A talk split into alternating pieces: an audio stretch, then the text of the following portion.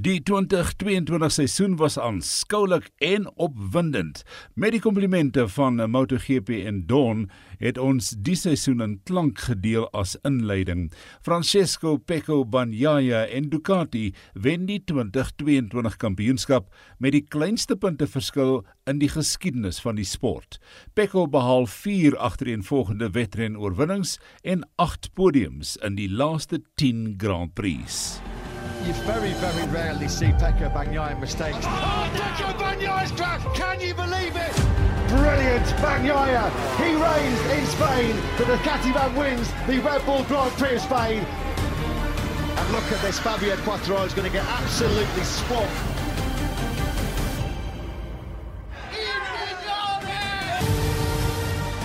He is the master of Magello in 2022.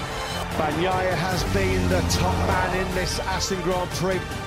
And Dutch TT winner is Pecco Bagnaia. Has this British Grand Prix covered? It's been an absolute classic. Pecco Bagnaia wins at the Red Bull Ring in Spielberg. Here comes Bastianini! Ollie, Bastianini! Oh, how oh. close was that? In four races on the spin. Bagnaia is your winner here in the Malaysian oh. Grand Prix.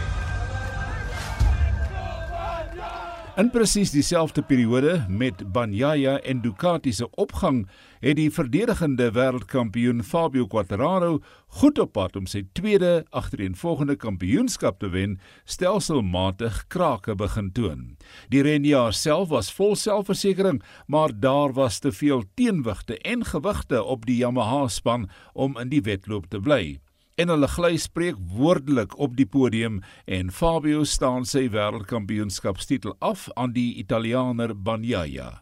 Maar dit was baie baie baie naby tot aan die einde, 'n spannende einde aan die seisoen en die kersie op die koek, 'n oorwinning vir Suzuki op hulle swane sang. Op die rug van daai Suzuki Alex Rins. En laat my asseblief toe om twee dinge te doen.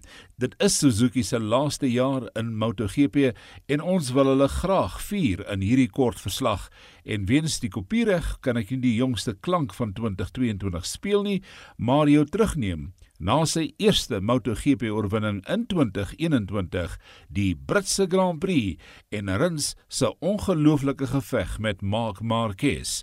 'n wedren wat hy op die geruite vlag wen. Vir my persoonlik een van die hoogtepunte van die laaste paar jaar.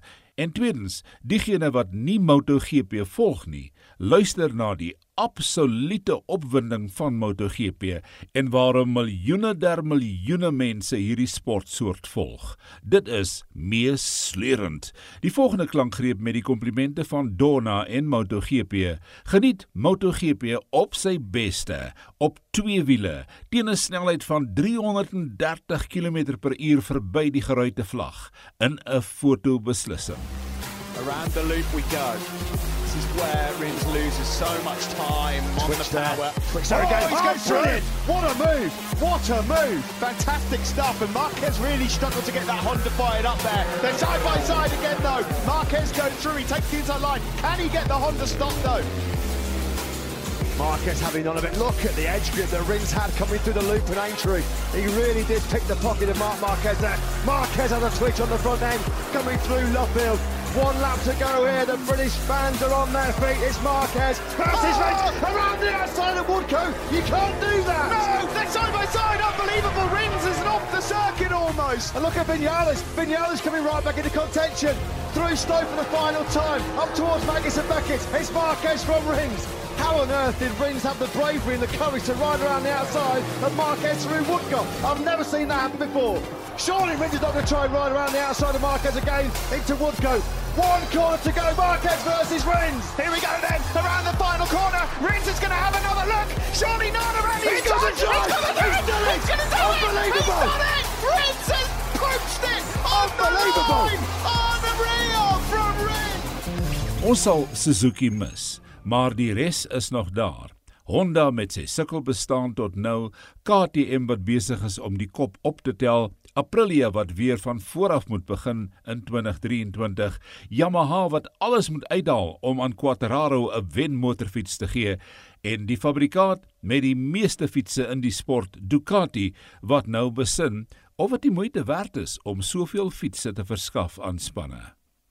Maar kom ons besing Ducati met hulle suksesse in 2022. Dit klink na die aframeling van statistiek, maar elkeen is 'n mylpaal in die geskiedenis vir hierdie span. Ducati het vanjaar 4 pare fietsse op die baan gehad. Dit is hulle beste jaar ooit met Francesco Bagnaia die wêreldkampioen en renjaer van die jaar. I think I lost some weight today uh, in terms of uh, pressure, in terms of uh, things uh, that I had in my in my mind. Be world champions is absolutely the main thing for everybody, for a rider in MotoGP. And the beach world champion with Ducati, as Italian, is uh, something unbelievable. I'm uh, very happy. It's difficult to share with you my happiness in this moment, but I'm very emotional. So it's, it's difficult to to say what I really want to say. Hulle byt ook die vervaardigerstitel sowel as die spantitel. 7 oorwinnings, 10 podiums en 5 koningsposisies was genoeg vir Banyaya om sy eerste wêreldtitel te wen. Hulle het laas die kampioenskap gewen in 2007 met Casey Stoner. Banyaya het 'n hele paar eerstes behaal. Bagnaia word die eerste Italiaanse renjaer wat die titel wen met 'n Italiaanse motorfiets. Die laaste Italiaanse wêreldkampioen was Giacomo Agostini 50 jaar gelede in 1972, toe hy die 500cc wêreldkampioenskap op 'n Augusta gewen het. Dan het Valentino Rossi ook as Italianer die kampioenskap in 2009 gewen, 12 jaar gelede. Dis die beste beste terugvegpoging ooit in die geskiedenis. Banyaya was 91 punte agter die voorloper op Duitsland se Sachsenring wat hy met slegs 8 wedrenne uitgewis het. Die vorige rekord is behou deur die Amerikaner Wayne Rainey wat teruggeveg het met 'n 65 punte agterstand in 1992. Banyaya is ook die eerste Ducati renjaer wat 4 agtereenvolgende oorwinnings behaal op Assen, Silverstone, Spielberg en Misano. Banyaya het vanjaar 189 rondes as voorloper in wedrenne voltooi op 3 verskillende geleenthede op die Spaanse, Franse en Italiaanse GP's. Bagnaia het 11 Grand Prix oorwinnings op sy kerfstok met Ducati en word hier en jaar met die derde meeste oorwinnings in die span. Naas Casey Stoner eerste met 23 oorwinnings en tweede Andrea Dovizioso met 14. Soos gesê, dit is hulle beste jaar. Hulle behaal 'n totaal van 32 podiums met 6 verskillende renjaars. 10 van hulle Pecco Bagnaia, 7 Jack Miller, 6 Enea Bastianini, 4 met Johan Zarco, 4 met Jorge Martin, 1 Marco Bezzecchi, ingesluit 12 oorwinnings met Bagnaia 7, Bastianini 4 en Jack Miller 1. Ducati was ook ononderbroke op die podium in die laaste 26 Grand Prix. In die laaste 40 wedrenne het Ducati ononderbroke ten minste een motorfiets op die voorste ry van die wegspringrooster gehad.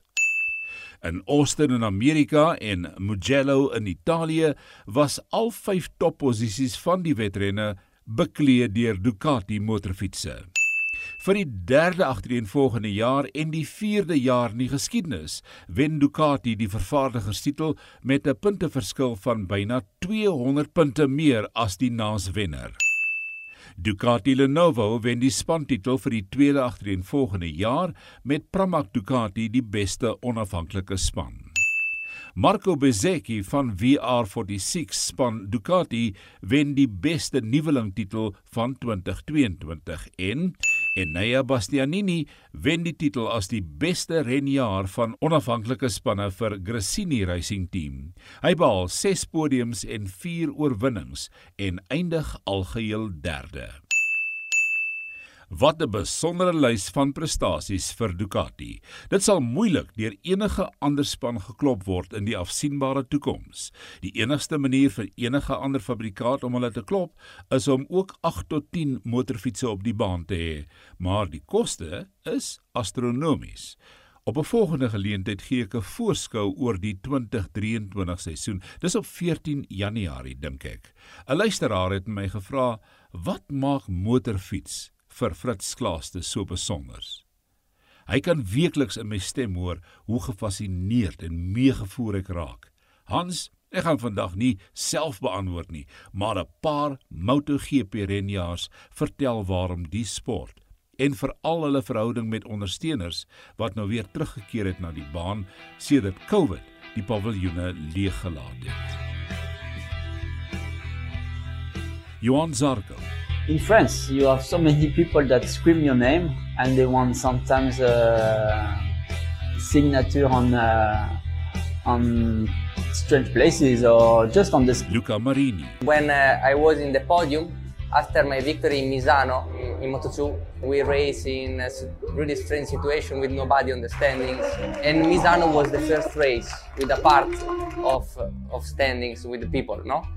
And uh, when I won that race and uh, I heard all the crowd was a really, really great, uh, great memory.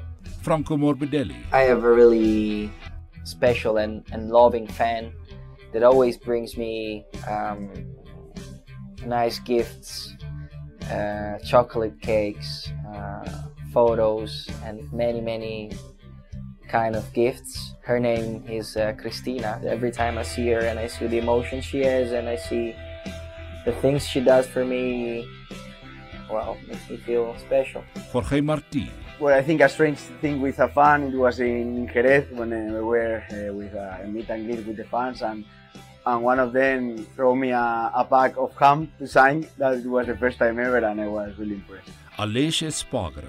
I still have very very good fans in Japan. They are a Japanese couple and they have uh, two beagles like me. I have two beagles, Zuki and Pipa, and they have uh, two beagles either. and they always put a suit with my colors every year in, in Motegi and it's fantastic to see them on the grandstand with the beagles. Marco Bezzecchi. Of course, in Italy we have uh, our uh, home fans but uh, what I like the most is uh, in Japan that uh, the fans are incredible for me. This year with the father of uh, Tomizawa, uh, he's uh, a big fan of me and I met him when I made my first podium in, in Japan and he was already a fan. We have a good relationship and from fan we, we became also friends. Mark Marquez. A special moment with a fan. I had many but especially when uh, when he's coming in the box some uh, kid uh, this is really special to see the face especially of the fathers and uh, of the kid Brad Binder. Uh, actually, a couple of weeks ago in uh, Thailand, I was in a meeting in our hospitality, and I could hear the, the song they sing in South Africa called uh, Zaloza. and I walked outside and I saw all the South African flags and stuff, and it was pretty cool. Fabio De Gianantonio. Well, in um, through through the years, I met a girl that um, she was cheering for me uh, already in Red Bull Cup, and uh, year by year she's still following me, and uh, she is still my fan. She also has my my tattoo on uh, his arm, so it's a it's a great thing. It's a, I think a big step to do. Taka Nakagami. I think the best memories, uh, of course, in Motegi, you know, with the Japanese fans, and uh, also in Texas, a lot of American fans. It's a, was really uh, funny way, but uh, the, the Japanese uh, people is like, uh, you know, it's nice to feel that, you know, feeling that okay, this is my home and my home country. Fabio Quattararo. I had one fun guy that uh, is um, with a wheelchair that uh, he has always been here in the he become one of my biggest fan in the worst moment. And uh, he is still one of my biggest fan. And uh, it's always special to have a fan that have al- always uh, support you have a tattoo of you so i would say him. Hi it's fabio quattararo. Hope you give us a like. 'n Spesiale band tussen Renjaar en sy ondersteuner. Ons sien uit na 'n nuwe seisoen, maar soos jy gehoor het, is dit weer eens Ducati wat met momentum in die nuwe jaar gaan. Maar soos daar in sport gesê word, die doel waarom jy deelneem aan enige sport is om alle verwagtinge te trotseer en om ver te werp met jou eie spesiale poging om beter te wees as ooit tevore. Fritz Klaaste vir RSG Sports.